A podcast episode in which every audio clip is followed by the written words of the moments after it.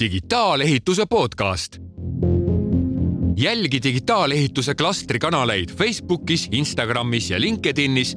liitu uudiskirjaga aadressil www.digitaalehitus.ee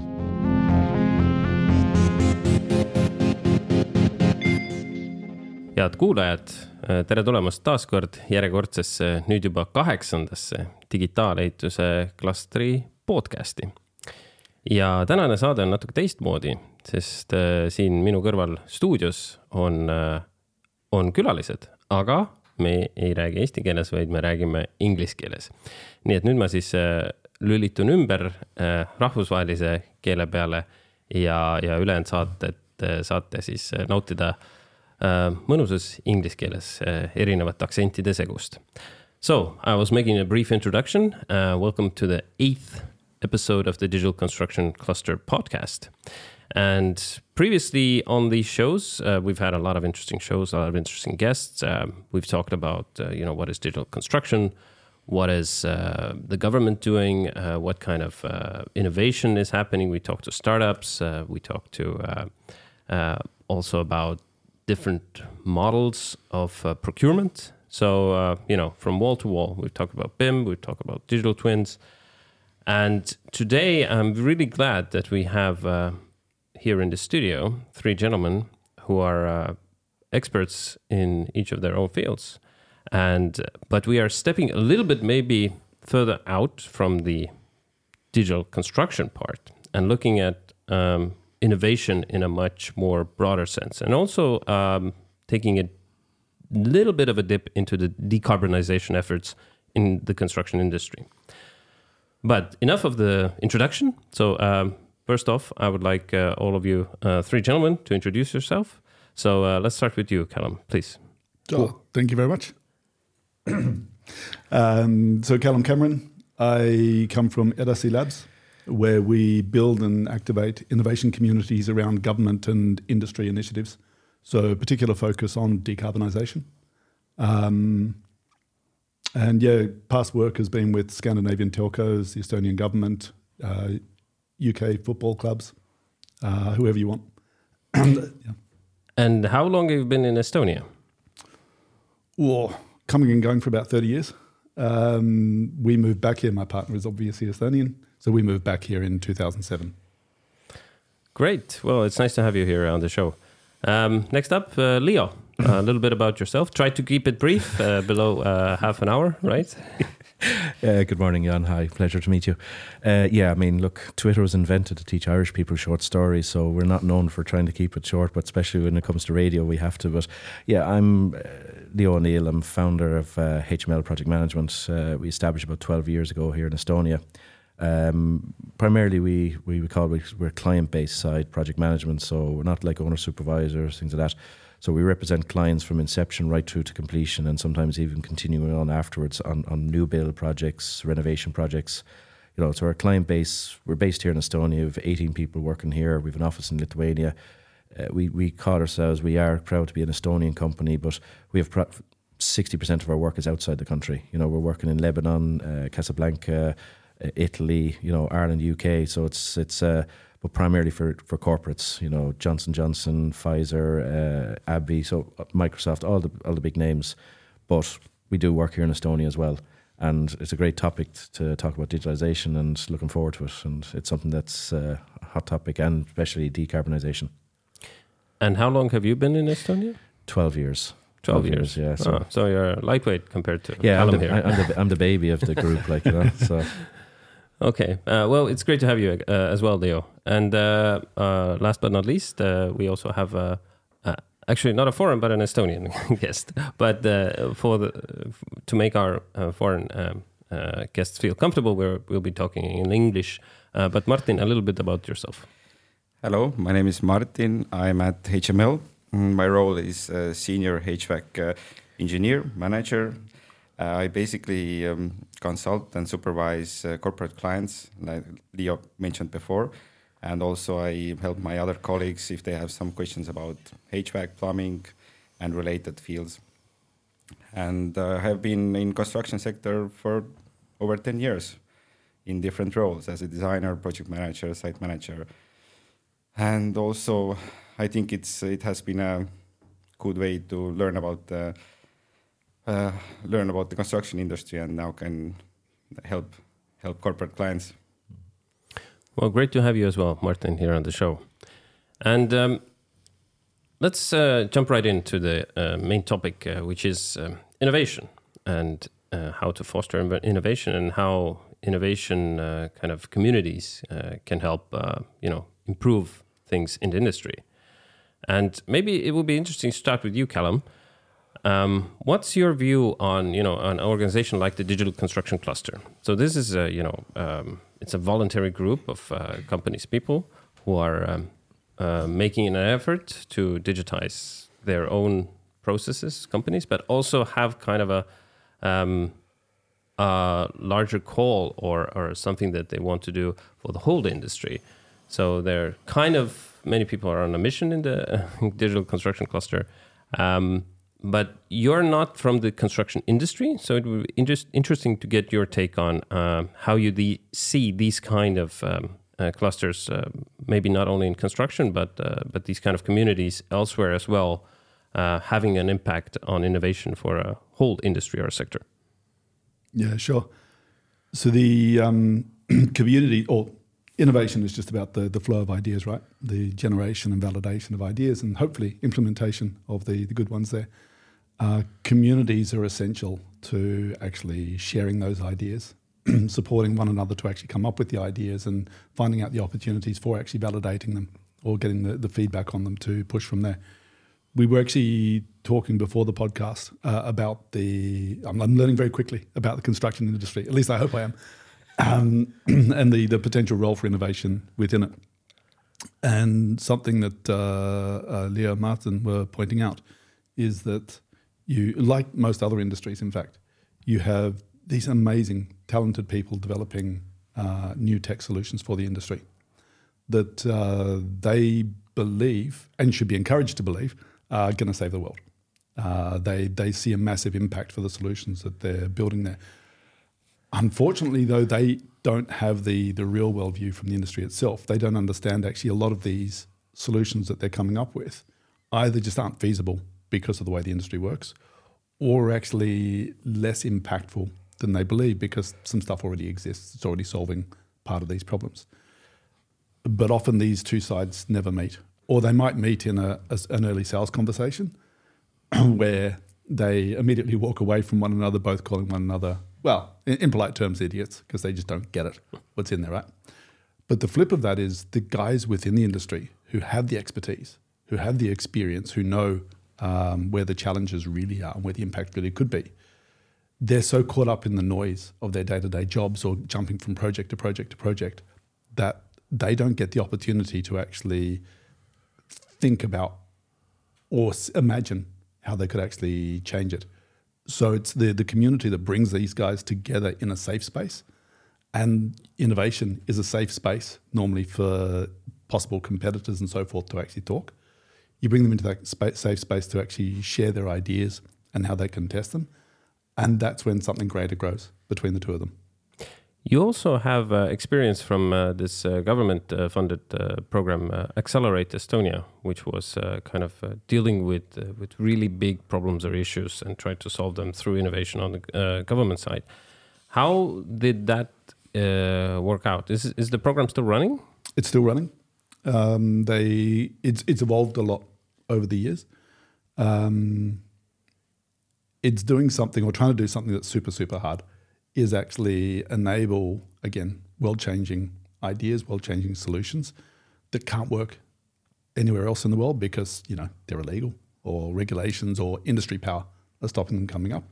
So using the um, the innovation muscles, which are still there inside the Estonian government, the, the innovation muscles that actually brought us this sort of digital society, um, uh, maybe you can comment on that as to whether they're, they're, genuinely there or not, but it seems to me they are still there. The muscle memory is still there on knowing how to actually do the, I think the core things are the legal innovation, the, the regulatory innovation, that then actually enables these solutions to then test at what we call country scale, pilot at country scale here in Estonia, and then if they work, to then package up both the solution and the regulatory legal model to then scale into the rest of the EU.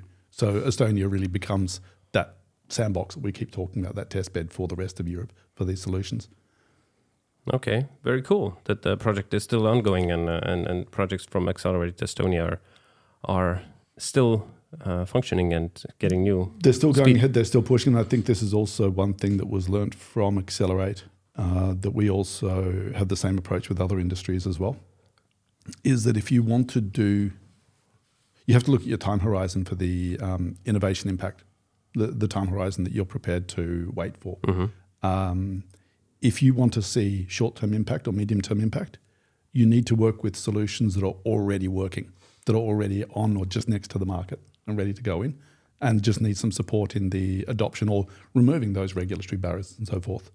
If you're happy to look 10, 15 years ahead, then you can do your early stage incubators, accelerators, and these sort of things that can actually give the, the time for the ideas to develop and the talent to develop around them as well. Okay, so um, Leo, um, Digital Construction Cluster. Uh, you're a member or HML Project uh, Management is member of this cluster, right? Soon to be. Ah, soon to be. Yeah, Well, we've been observing and watching and uh, seeing. Yeah, but we will be. Yeah. Okay, um, but you've already been involved. Um, you were involved with the hackathon we had in uh, in August. Uh, very involved, which was great uh, to see uh, your expertise and knowledge also there to help with the teams. Um, but why get involved with the digital construction cluster? I mean, you've got projects to run, you got big clients, you got uh, you know, time is money. I mean, I'm really thankful that you found the time to be here in the show, but. But why spend extra time on the on, on a community like the digital construction cluster? Yeah, it's a very good question, and uh, simply say that if I don't, and I'm not old, mm, I'm I'm sort of say 47, so I'm hoping to still be on the team on the young side. But I think what Calum uh, alluded to there is that there's a big division in the construction industry from the tech side and the actual construction itself, and this digital cluster is sort of a stepping stone to this massive bridge that we see to try and bring that together. Um, one of the key things for me is that I can just keep plodding along, doing what I'm doing, and be happy and and do. But if I can't make changes and, and give the know-how and the experience and mistakes that we've made, and I say we in the construction industry, to the next generation, then we're not uh, enabling, we're not helping. Other sectors are doing it. They do think tanks. They do very. Uh, they come together and do group sessions and and bridge that gap. But the construction industry is not doing it. So the likes of these clusters, uh, they're the start of it, and that's why I want to be part of it and help uh, innovate and, and look at where the problems are from a from a construction expertise and say how from a technical uh, approach or from an AI perspective, how can that be developed? Because that's what we see that you've got all these young companies or young people come along from a startup and they've got all these great ideas, but they don't know what the problem is. So, like the hackathon that was done earlier in the year has is approaching that in the right manner of taking the subject matter experts and saying this is this is our problem. How do we uh, modernize it? Like we say in our office, and that's why Martin's here today, is because we, we want someone to to lead innovation in, in HML. Uh, we made a decision at the beginning of this year that you know as a project management company we need to start innovating with BIM. So we invested heavily in the team, you know, bringing in BIM manager, bringing in different subject matter experts uh, to start looking at how to evolve, and, and even on the cost side, you know, qu- quantity surveying. Like we've the only quantity surveyor in, in the Baltics, and now looking at taking 4D and 5G, 5D in, in and 6D and 7D. Everybody talks about BIM, and when you say to them, "Yeah, we're fully BIM implemented," yeah, we're we're we're heavily in BIM, and you go back and ask them, "So is that 4D, 5D?" And oh no, no, no, just just just the the, the modeling. So, and that's the problem is like in Estonia, we have an amazing canvas to work from because, and I say we, but 30 years ago, you had nothing. You had to start from scratch. So you, you we've innovated uh, technology in that sense, IT, and driven it. But we don't have the same size sector in the construction industry. Like, you know, we've a 3 billion, roughly 3 billion uh, revenue in, in construction. Take Ireland as 20 billion, the UK is 300 billion. So we don't have the same scale. And, and that's one of the things that we, we have to look at. We can't compete with other countries, but we can be innovation with the from the tech side. Use the projects we're doing here as as the sandbox and, and start developing it. So that's why we I want to join the cluster, give that input. But you, you mentioned something there earlier, which is uh, a crucial thing. It depends on who's giving the information. If guys on the ground, they have the ideas, they want to improve, but they're afraid of losing their job. They're afraid that the computer, that the, the app will replace them. And we'll keep saying it's not about replacing their jobs, but it's about, uh, how to say, streamlining the process. You know, people don't want to do meeting minutes, they don't want to do protocols nowadays, but they want to do Slack and they want to do that, the younger generation. But we're saying is it's not doing away with it, but but simplifying the process, automating it, you know, your chat G, GDP, all of that. But it's not replacing the person. You know, and, and the mm-hmm. same with, with innovation in the construction. We should be looking at 30 years' time that there's a water leak on the road. The machine is pulling up, autonomous excavator is pulling up, it's cordoning off the road. There's not one person out there. And that's scary. People say, well, that's you're losing jobs. No, you're not. The programming to program that, the software, the development, all of that still has to be replaced and done. So it's about changing the, the industry to say it's about innovating. And that's the big problem in the construction industry today. People are afraid of losing jobs. Well, we, of course, there's uh, people who are afraid of losing jobs, but at the same time, we have a um, we have a huge shortage of labor in construction, and it's getting worse and worse because there's fewer and fewer people who are willing to do these kind of jobs, and usually they're all um, uh, more often than not they're immigrants, Yeah. and uh, you know I think replacing um, you know these tedious mechanical uh, mundane jobs uh, by machines is is very logical, and I think a lot of companies are looking to do it, and and there's maybe fear of losing jobs is not the biggest problem. It's just that it's more expensive than than human labor. But uh, since you're um, a project management company, you're kind of the glue between the client and all the other parties, the contractor, the designer, the engineers. Um, how do you see these different stakeholders, different parties, um, you know, uh, perceive innovation? Um, because more often than not, you really don't see them very eager to try new stuff. It's like it's yeah, they're kind of in, in in many cases I've had discussions that you know yeah yeah we're all for innovation we want to try this do that but not on this project maybe the next one and it's always the next one so how do you see that in your work Oh, absolutely. I mean, it's, there's there's all great incentives in the beginning, and let's do this, let's do that, let's go for you know platinum, gold, let in LEED, let's go for full BREEAM, let's go for car- uh, carbon neutral. You know, as I say, if you want carbon neutral, stand in a green field or lie in a green field because that's what it's carbon reduction. And then they start realizing the cost and what's involved to do it, and there's still a lot of um, labor involved in doing it. And and then they start realizing, oh, yeah, exactly, n- maybe not now. But ironically, one of the setbacks and one of the problems, especially in the corporate industry, is you try in uh, bringing in some innovation ideas or software. Can't do it. IT won't allow it. It's uh, untested software. We can't bring it into our organization. We can't risk uh, due to our, you know, cybersecurity. So, ironically, the bottleneck is coming from technology and corporates saying we can't introduce that now. It takes we have to through a whole vetting process. So that that's a, a, big topic that t- people don't uh, highlight. So Actually, can I just pick up on that? Yeah, go The, ahead. Um, this is a, a common problem with innovation, uh, in that most companies take a scattergun approach to it, or even industries take a, a scattergun approach to it, which is again why the uh, digital construction cluster, these sort of communities, are essential to actually provide some sort of uh, system there when you take um, any sort of standard enterprise sales, which is what these guys are doing when they're going into the, the corporate space, or even within that space, you have so many different personas or people that you need to actually convince that this is actually worth doing. And the, the tech side, the IT guys, are actually a major gateway that you've got to, or gatekeeper that you've got to get through because these guys are not normally um, incentivized through by bringing in new innovations and new ideas. They're incentivized by a predictable, dependable system that everybody can work on.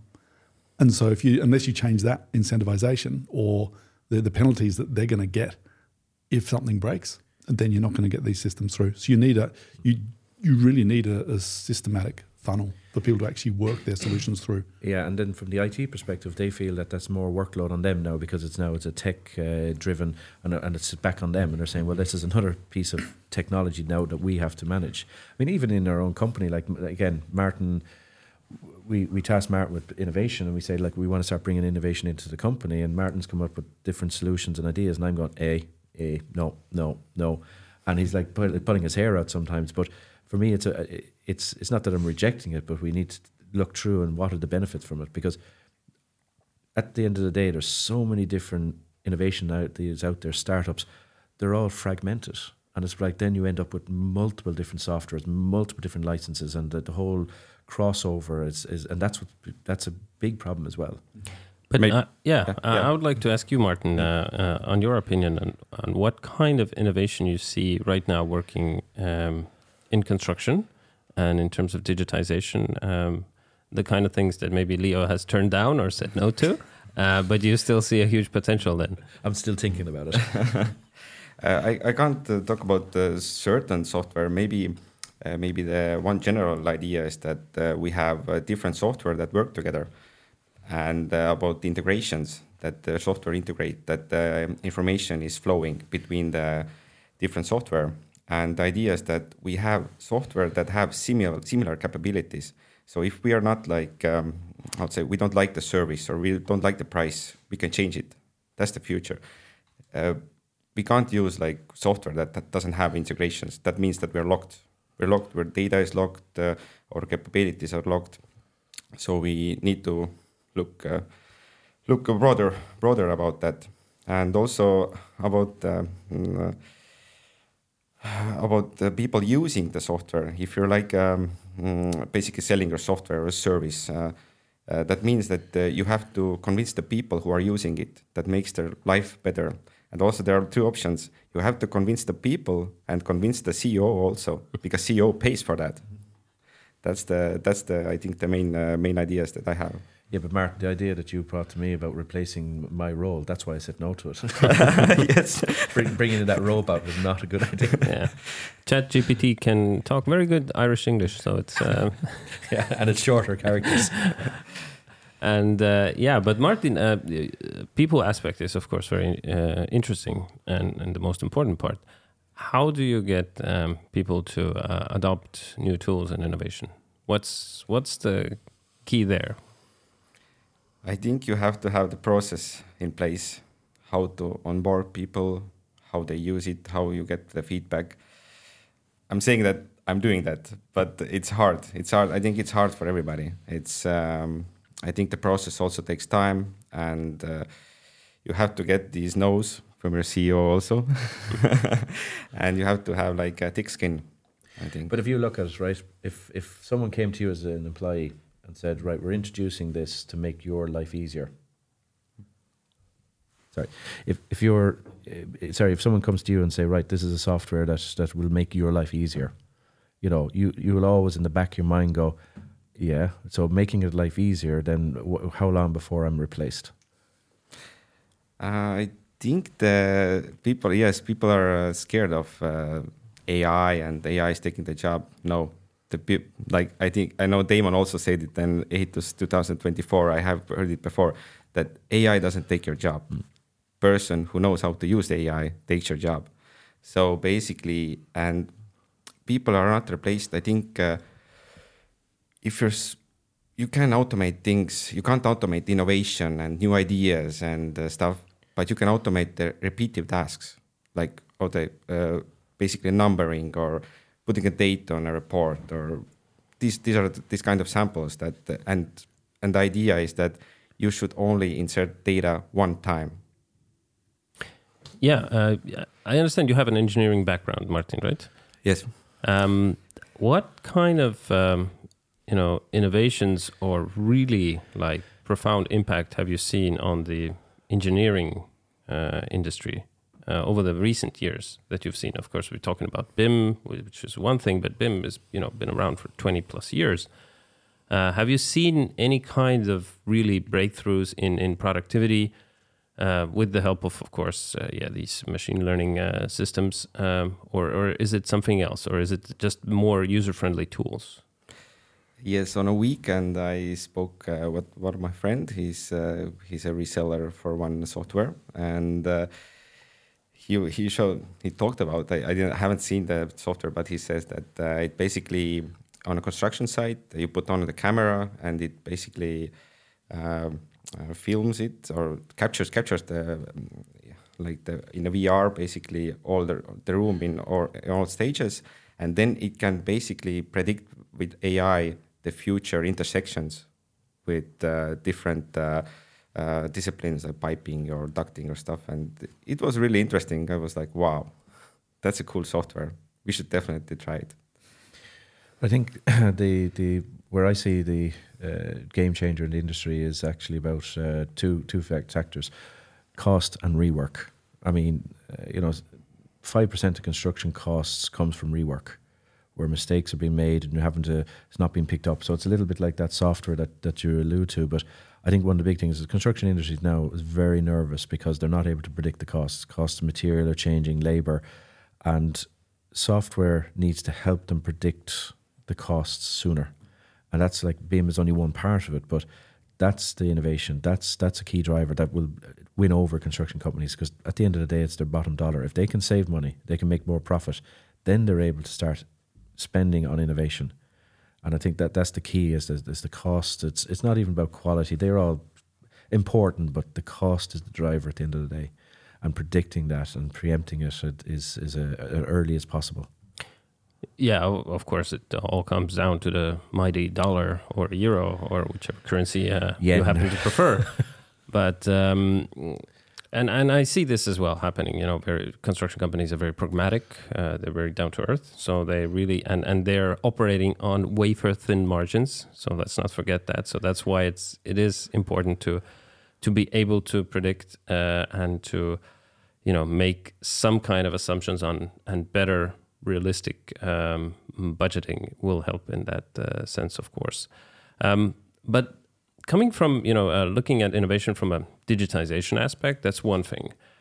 Um, but what I've seen uh, happening recently is that uh, you know when you talk about construction digital transformation, it's it's kind of all good and you know people understand it's needed and especially you know the, the sector guys the innovators but then again most of the people they really don't um, you know have a have a link or association to that so it's kind of yeah you know digitization is nice but you know we maybe not on the top priority for us but if you link that with decarbonization if you link that with sustainability then for somehow people start paying more attention and these are also people outside the sector. So when, when I talk about, you know, because in the government we do a lot of uh, uh, digital construction stuff. We have the construction platform where we try to link all the services. Like uh, Martin said, there's a lot of fragmentation, and um, but uh, uh, when you talk about just you know the productivity, um, you know, getting more bang for the buck, uh, that still leaves people a little bit cold. But when you link it to sustainability, CO2, somehow this starts um, to get people riled up. And, and I've seen it several times. Um, you know, making proposals uh, for, for projects or getting some, uh, you know, attention for any kind of funding. Um, it's for digitization, yeah, that's all good. But if you say CO2, it's like, wow, okay, well, uh, how much you need. So, uh, what's your take on this, Calum? Do you see this um, mm, decarbonization efforts and you know the, the green transition happening in Europe um, as something that might actually speed up also the digitization efforts? Um, firstly, thanks for the sales tip there. that, that's really useful to know. So CO2 has to go in there. Um, so digitization or digitalization, uh, depending which way you want to talk about it, is um, it just removes waste, right? and it removes wasted time. It removes wasted uh, wasted time, materials, energy, water, because now you've got better visibility. You've also got that data that data platform that allows you to actually automate solutions and so forth there, or even skip a lot of stuff, um, or do it proactively. So you don't need a, a human in the loop a lot of the time. So then the humans can go off and do more interesting things with their time. Um, I think the uh, story I might quickly tell about football club we worked with in the UK. The that hits these issues of the different personas as well and the, and the adoption of stuff. So the owners wanted to run an innovation lab to bring in new solutions, sports tech solutions and the likes, that would um, help in particular turn them into a data driven organization. Um, so a lot of the stuff, amazingly, in these um, multi bazillion dollar clubs and industries is just still very analog, right down to, for example, the maintaining the pitches, uh, the the groundskeepers at this club. Uh, so this is a Premier League football club. The groundskeepers actually manage the pitches via a whiteboard, like a physical whiteboard. Just for those who aren't used to them anymore, a physical whiteboard where they actually lock down what, also log down what they did the previous day, and this includes things like uh, massive grow lights, um, underground heating, irrigation, all these things for the the multiple football pitches they have. So one of the solutions that we brought in turned out to be a, a fantastic win because what they did is they first and foremost they analysed the the pitch. They just strung a um, a, se- a, series of um, sensors behind the lawnmowers that then actually captured seventy thousand data points for each pitch they went over, which then fed back into the groundskeeper the information that they needed to determine whether each part of the pitch needed grow lights, whether they needed irrigation, and so forth there. But that in itself meant that they needed to um, digitalize control of those systems as well, which was a pretty simple thing to do. I And the solutions are out there, right? But by doing that, simply just by digitalizing those systems and getting the data flowing in there, they've created, um, I think, half a million uh, pounds a year savings in energy and water costs. They've reduced their CO2 emissions by about half a million, uh, half, half a megaton, half a million tons um, as well. And so that solved a lot of problems for the uh, the budget side for the groundskeeping. It solved a lot of problems for the groundskeepers themselves. They now can produce high quality, consistent pitches all the way through. And the club owner is super excited because with this data about the pitch, I mean, okay, I'm from Australia. Football, I'm sorry, it's not really a big thing for us. You talk about cricket though, and the amount of you, you um, could have said rugby at least. not after this last World Cup, no. Uh, but the, the, the amount of um, uh, the amount of data that goes from the the pitch preparation into the team strategies and the team selection for a match is phenomenal. And you'll have massive conversations in the lead up to any significant match about how the pitch is going to be prepared, how it's expected to play during the game, right? So it's stunning that this wasn't actually already being captured by football clubs as well, because they do the same thing. They choose their team and they, their strategy is actually influenced by the pitch itself. So now that data is available for the team manager and actually the team owner uh, to actually develop their strategies, to choose their players and so forth there as well. So it ticked each one of the boxes. Owner, super excited by getting this data. So they can now actually um, choose their teams better and so forth. And that created the demand within the organization to get this done.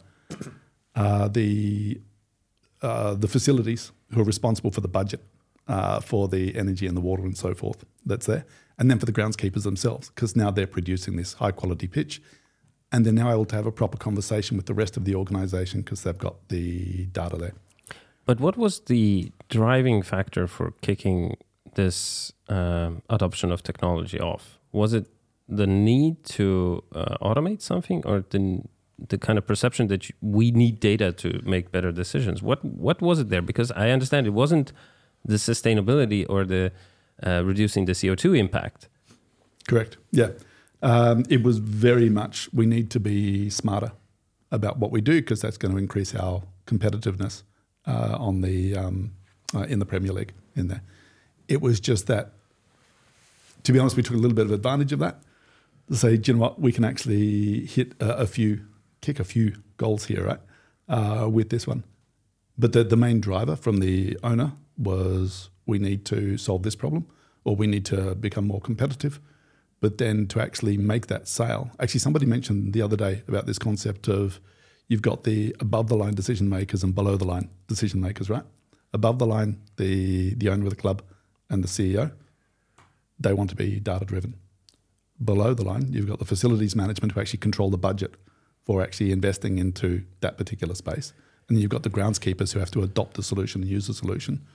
They had other problems that they needed to solve. And this solution actually solved that for them as well. Okay, so but the driving force was still kind of using innovation technology for gaining a competitive edge. Bang on, yeah. Okay.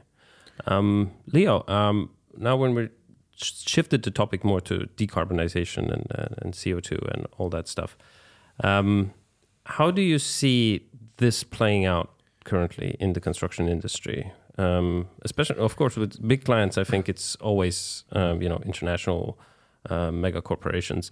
There, they also always have you know very big slogans, very big strategies, and and they kind of have to uh, for their shareholders and for politicians to show that they're doing all these decarbonization efforts and and they're all in on you know reducing CO two. But is that also translating to actual actions on the projects you're doing? Um, very little at the moment, to be honest with you. And again, unfortunately, it's about the region. And the reason is that if, if we look at the UK, Ireland, uh, or mainland Europe, and uh, the, the far bigger industry, so there's a lot more of the suppliers that are buying into this and providing, you know, ash concrete, they're providing, you know, glulam beam systems, and actually, the, it's not just about the product, but it's actually then picking up your product and bringing it to the site. So you've got your nice glulam beam product, which is great, it's sustainable, but then you're juggling it down the road on a truck. That's just, you know, greenwashing everything that you've done. So we have a problem in Estonia that you know we, we're limited on our resources here. So there's only so far in Estonia that we can bring that to reality.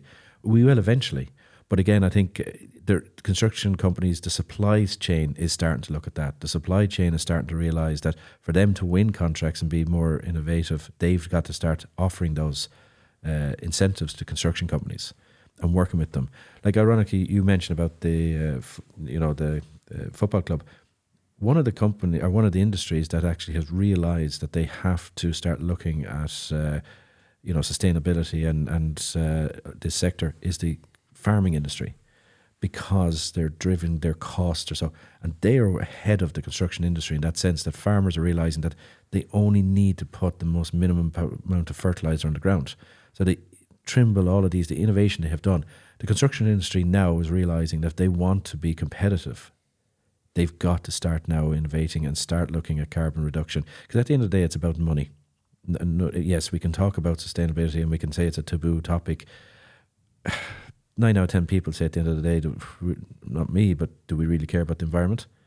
It's about our bottom dollar. So they use this as a benchmark, but now the construction industry is starting to recognize it. They're starting to realize, yes, that we need to start offering it. But again, it's about the cost. It's too expensive to follow it through and and uh, but it's getting there. But I think this downturn in the industry at the moment is a good opportunity because they're realizing the last recession, two thousand and eight, we we weren't as digital uh, savvy. We we weren't there, so people had to reinvent how to be more cost effective. Coming out of that, now we have the opportunity. We're far more digital savvy. We're far more, you know, we've got all this AI. So this is now the opportunity to come out of this recession to, for construction companies to survive how did there be innovation and how do we start using carbon reduction as, as the, the selling point to win projects? So, ironically, be, cost savings will drive this uh, carbon reduction uh, uh, sector through money. What kind of role do you see, uh, you know, regulation and uh, laws and requirements uh, playing in this formula? I mean, of course, it's um, you know, cost efficiency is key and mm. foremost but uh, do you see that regulations coming from EU, from from government level, are they needed to really push for that? Yeah, including incentives. Unfortunately, you have to incentivize the industry to help them to adapt and uh, and, and learn and, and change and start investing into this. But it it starts from not just the product, but from from you know from doorstep to doorstep, and looking at the electrical industry is you know e cars, e trucks is that the way going forward? Everybody's pushing for it, and they're saying, you know, uh, look at WRC, you know, they've gone hybrid, but they're now thinking, don't know if they can continue hybrid. They don't know if they can actually continue this. Is it is it sustainable? Because the cost of a car is a million euro compared to uh, you know the cars a few years ago was half a million. So it's again all about cost. So yes, the the companies, the governments, uh, they're looking to the government to incentivize and say and leg- and legislation is driver what I find a little bit uh, weird is that, um, uh, for example, I was in uh, in the in Dubai in the climate conference, um, the COP twenty eight, but there was very very little talk about the built environment, about construction. Mm. But people don't realize that you know 40 50 percent of all the energy consumed CO2 uh, is coming from you know the built environment, from construction and from maintaining and running built assets, you know, heating, cooling, etc. Um, but more generally, everybody's talking about you know the, where the energy comes from. They're talking about mobility, but you know we're really leaving out fifty percent of the whole you know CO two problem here. Yeah. Um, how do you see we can get more attention towards this in in the, in the construction industry? I mean, as and as you said, I mean, the construction industry is looking at the bottom dollar. Uh, they're not maybe that incentivized uh, to look for uh, more sustainable, more greener solutions at the moment. Um, but should we put more kind of I don't know attention on this, or should we ban some you know concrete steel buildings? I mean, you look now and as uh, Finland and Sweden, they're now building the the first green uh, steel production facilities. So they like the government has realised that they need to start changing. So it starts from the raw material. It starts from there. So by offering what is a green construction or what is green energy, you know how so it's traceability. It's a little bit like I find jump the meat industry. You've got traceability from the cow from the field right through to, to your table. It's the same in the construction industry. Like in the UK, they have this what's called considered con, uh, consider contractor scheme, where to help contractors get points towards uh, tendering, it's not just about LEED, but it's also sustainability, traceability. That when they set up on site, they're setting up water harvesting. They're using during the construction. You, like years ago, now they're talking about e-parking, but there was water harvesting. So it's but it's incentivized, it and it gives and it goes towards you can win a contract. Your points to win a tender is based on sustainability, but also on considered contractors. So those type of schemes are what makes a contractor want to work in that industry and want to make the changes because at the end of the day, if they win projects based on points towards sustainability or changing the industry, that's a bonus for them. They need to start working with the supply chain more, more rigorously and saying, well, okay, you've got your green product, but then how do we continue that chain through? And facility management. We, we talk about uh, AI technology, we talk about uh, all of these innovations. Where does that come from? Data centers, right? Data centers are one of the biggest industries that create wasted heat, you know, energy consumption. So ironically, we're talking about innovation, we're talking about going more digital, but people don't realize the source of it. You know, there's always an argument, but the industry, the data industry is spending millions, millions on trying to be more efficient and more reducing that, and but but they can afford to because the money they're making. But the construction industry, yeah, it's lagging behind on that one because they, they, they don't have that think tanks, they don't have that central, how to say, it, awareness of, of how to start doing the carbon reduction. How do we really do it? You know, we sell it and sell it and say yes, we're carbon reduction, carbon neutral, but it, it's it's a, it's just a sales tactic. Um, Martin, how do you see uh, you know uh, decarbonization and sustainability playing a role in uh, in in choosing what kind of technologies, and what kind of solutions to use. Um, I mean, for digitization, uh, of course, uh, we can talk about uh, you know the, the, the integration aspects. But is there also um, a, a, digitally sustainable thing? Because um, I was just recently we were um, uh, uh, reviewing some uh, BIM models for for for TechLab BIM Awards, which are going to be handed out actually tomorrow, and um, and it was really interesting to see. Um, uh, first of all, the level of of the BIM models of the uh, of the data in the BIM models was really high, and I'm really really happy to see that all the uh, submissions were of very good quality. Um, but we encountered one project that was actually um, they were they had a criteria for sustainability as well, and you know one thing is you know you can talk about you know the LEED certificates and all that blah blah blah. Um, but another aspect that uh, uh, kind of caught my eye was that uh, one um, submission uh, mentioned that they are reusing a lot of their models and they're trying to uh, kind of, you know, um, if you think about circular economy, based on that principle, to automate a lot of stuff and and build houses in a in a very um, reusable manner, not just physically but but actually digitally. Is that something you've already noticed or you've seen kind of uh, digital solutions that help to be more sustainable and more maybe you know uh, less data wasteful? Uh, maybe we can elaborate more what is reusing the models. Basically, we can't reuse the factory model for apartment building. It basically we have different type of buildings. Um, I think yes, we, if we have if we make some kind of uh, elements, uh, uh, maybe some kind of automation, we build the process how we start the design process basically. Mm, then we can reuse that. Yes, basically the processes, the data, the family families, no, no, uh, elements basically families are in Revit, like yeah, and uh, elements in general, and um, the data that is also inserted. I think uh, it doesn't. It's not like a really sustainable or effective model if if it has a lots of data. It uh, basically you have to put minimal minimal uh, data to there that you really need that you really use basically. I think uh, if it has like a lot of data, it, uh, the model will be like uh, really big and it's uh, I'd say takes a, takes a lot of room in the in the folder basically.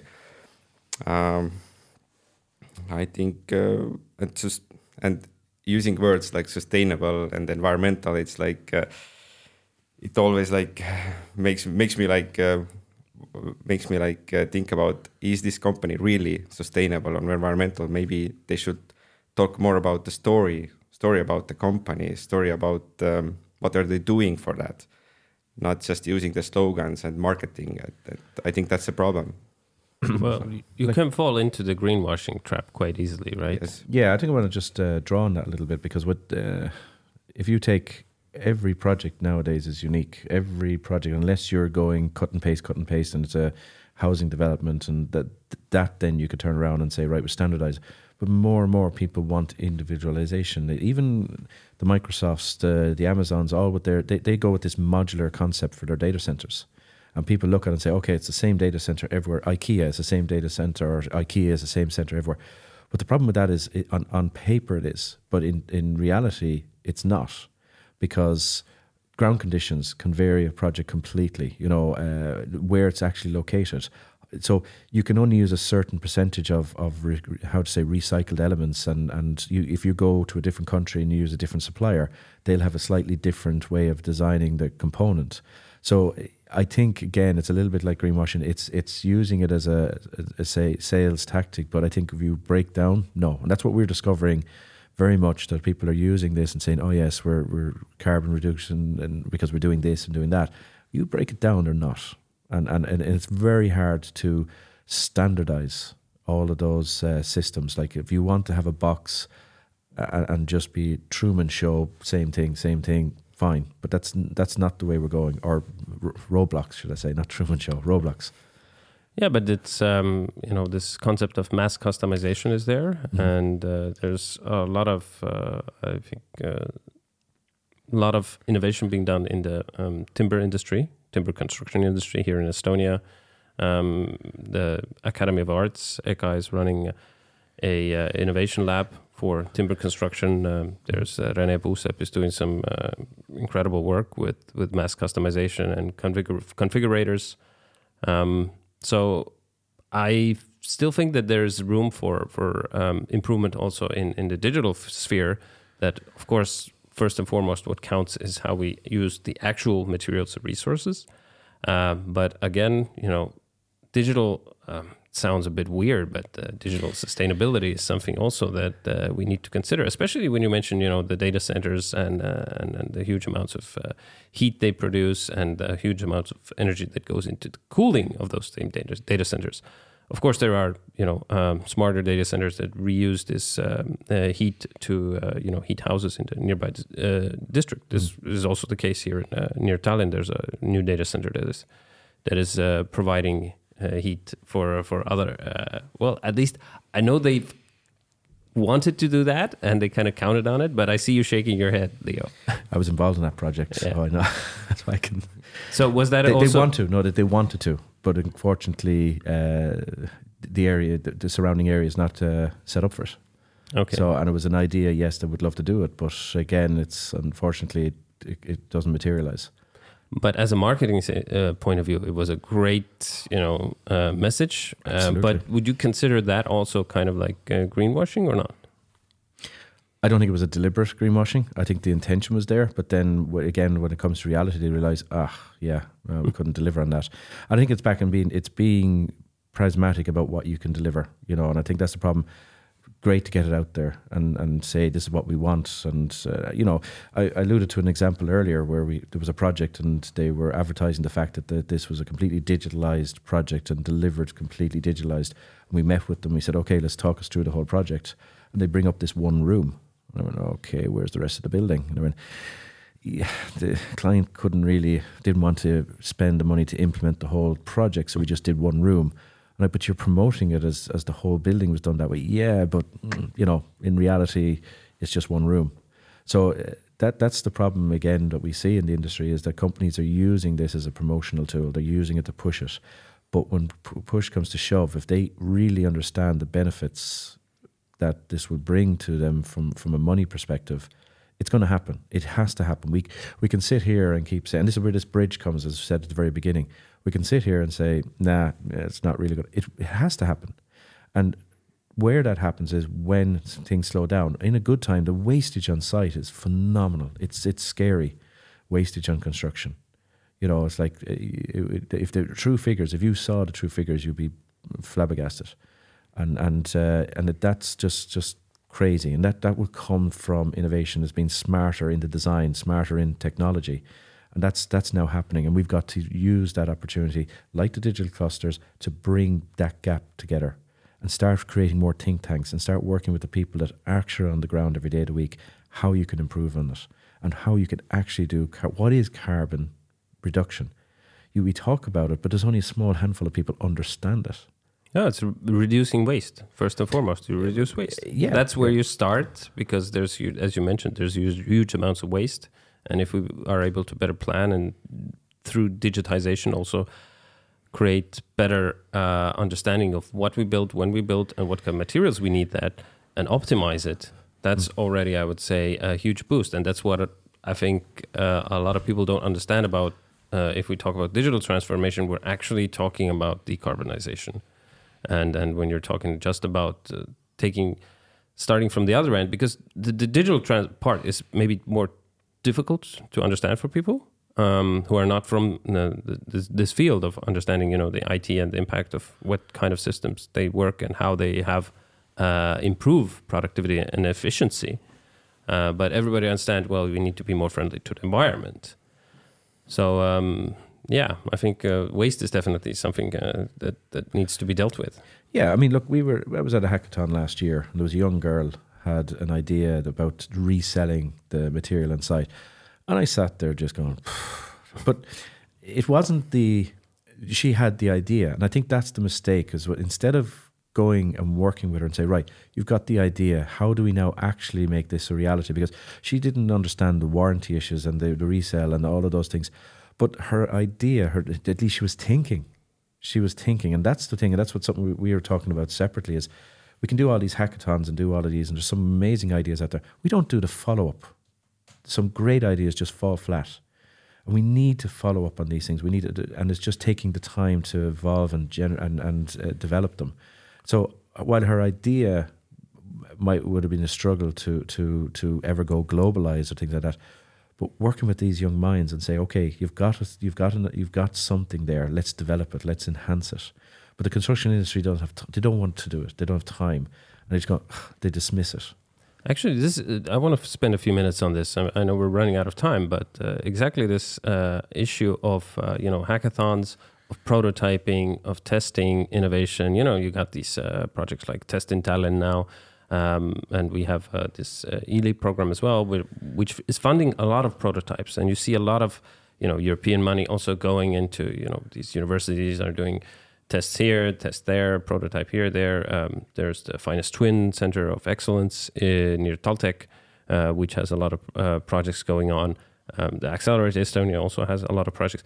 But what I keep seeing, and and what um, what was one of the takeaways from the climate conference, uh, as I was talking to Einar from ClimateView, is that uh, you know they did a, a research in uh, Netherlands uh, on all these kind of different pilots and projects, and there were hundreds of them, hundreds of uh, projects, you know, dealing with innovation, digital transformation, etc.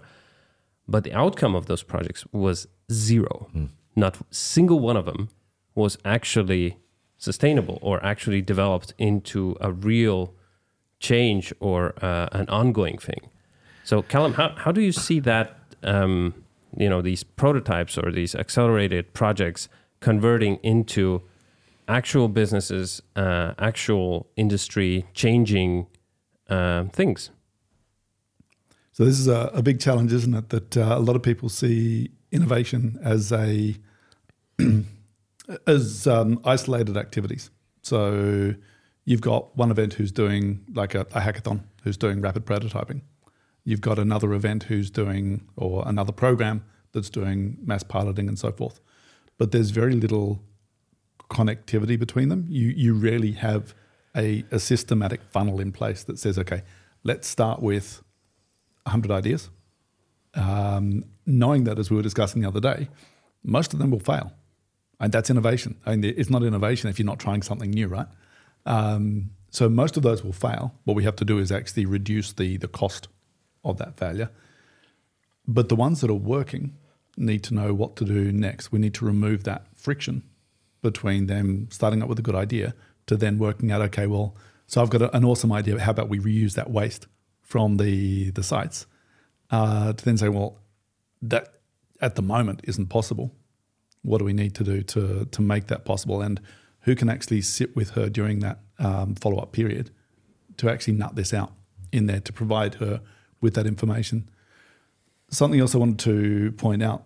Um, actually, I guess capture a few thoughts here. One, this um, one of the biggest killers of innovation and new solutions coming through uh, is exactly that friction.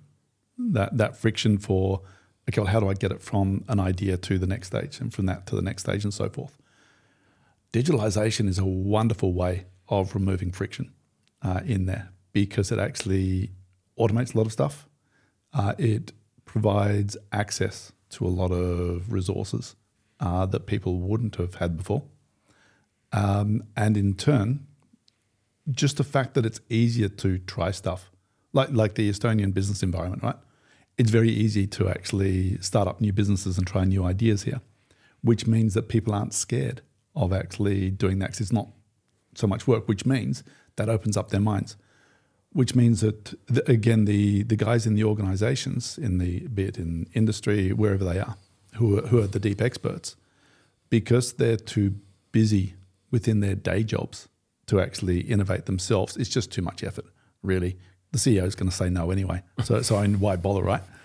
Uh, but if those people get to support somebody who's on the outside, who isn't constrained by the CEO saying no, and also the fact that they've got a Why does he keep looking at that- me when he says that? uh, they- they've got a backlog that's a mile long. So they, they don't actually have time for this anyway. If you've got somebody who's just outside there, still a bit innocent and naive, who can still think freely, but you provide them with the, the support to go through, then you start having that, that, that logical flow and you remove that friction again.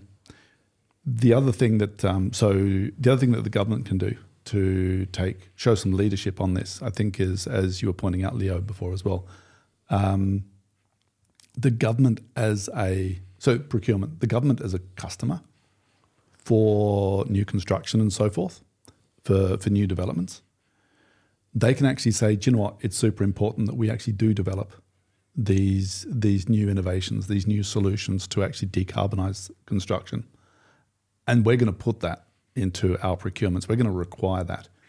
That way, the construction companies now actually have an incentivization and. Uh, uh, maybe the uh, the cost compensation that they need to actually start experimenting and start bringing this stuff through until it's mainstreamed in there.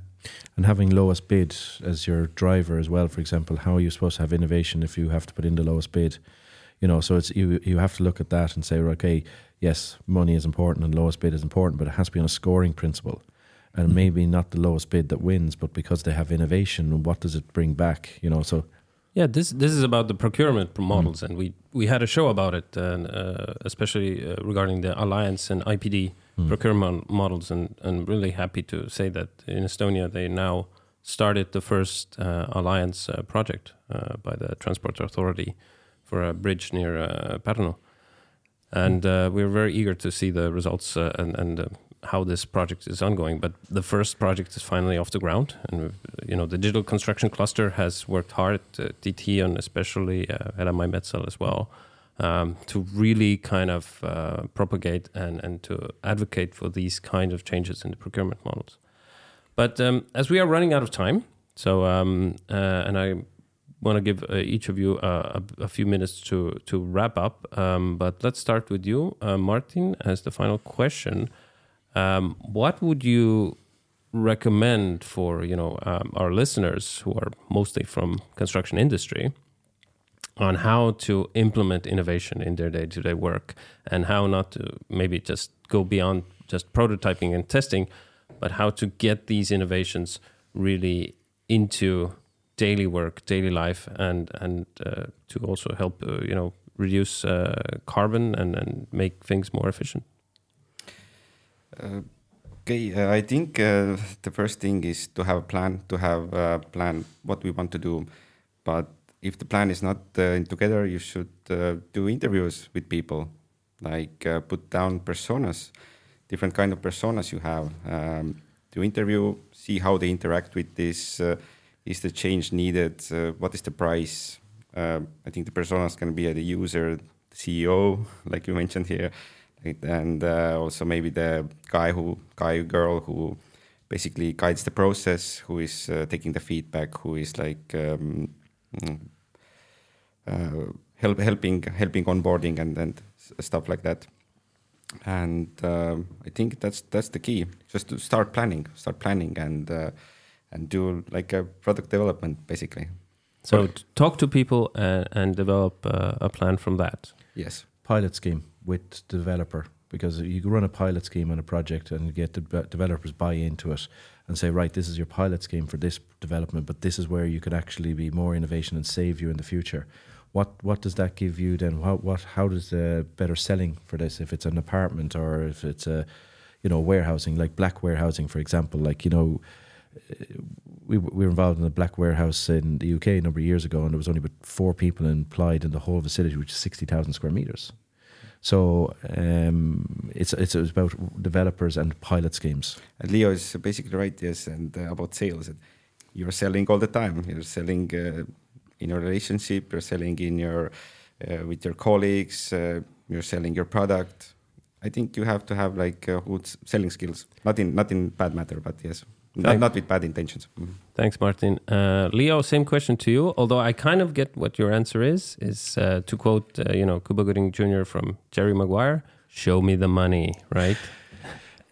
Yeah, uh, money is one thing, but again, if we focus what the next generation, there's a big gap in the industry in the sense of the older generation in the construction industry. You know, this is how I've always done it mindset, and the younger generation going, as you alluded to earlier, quote unquote, these guys are idiots.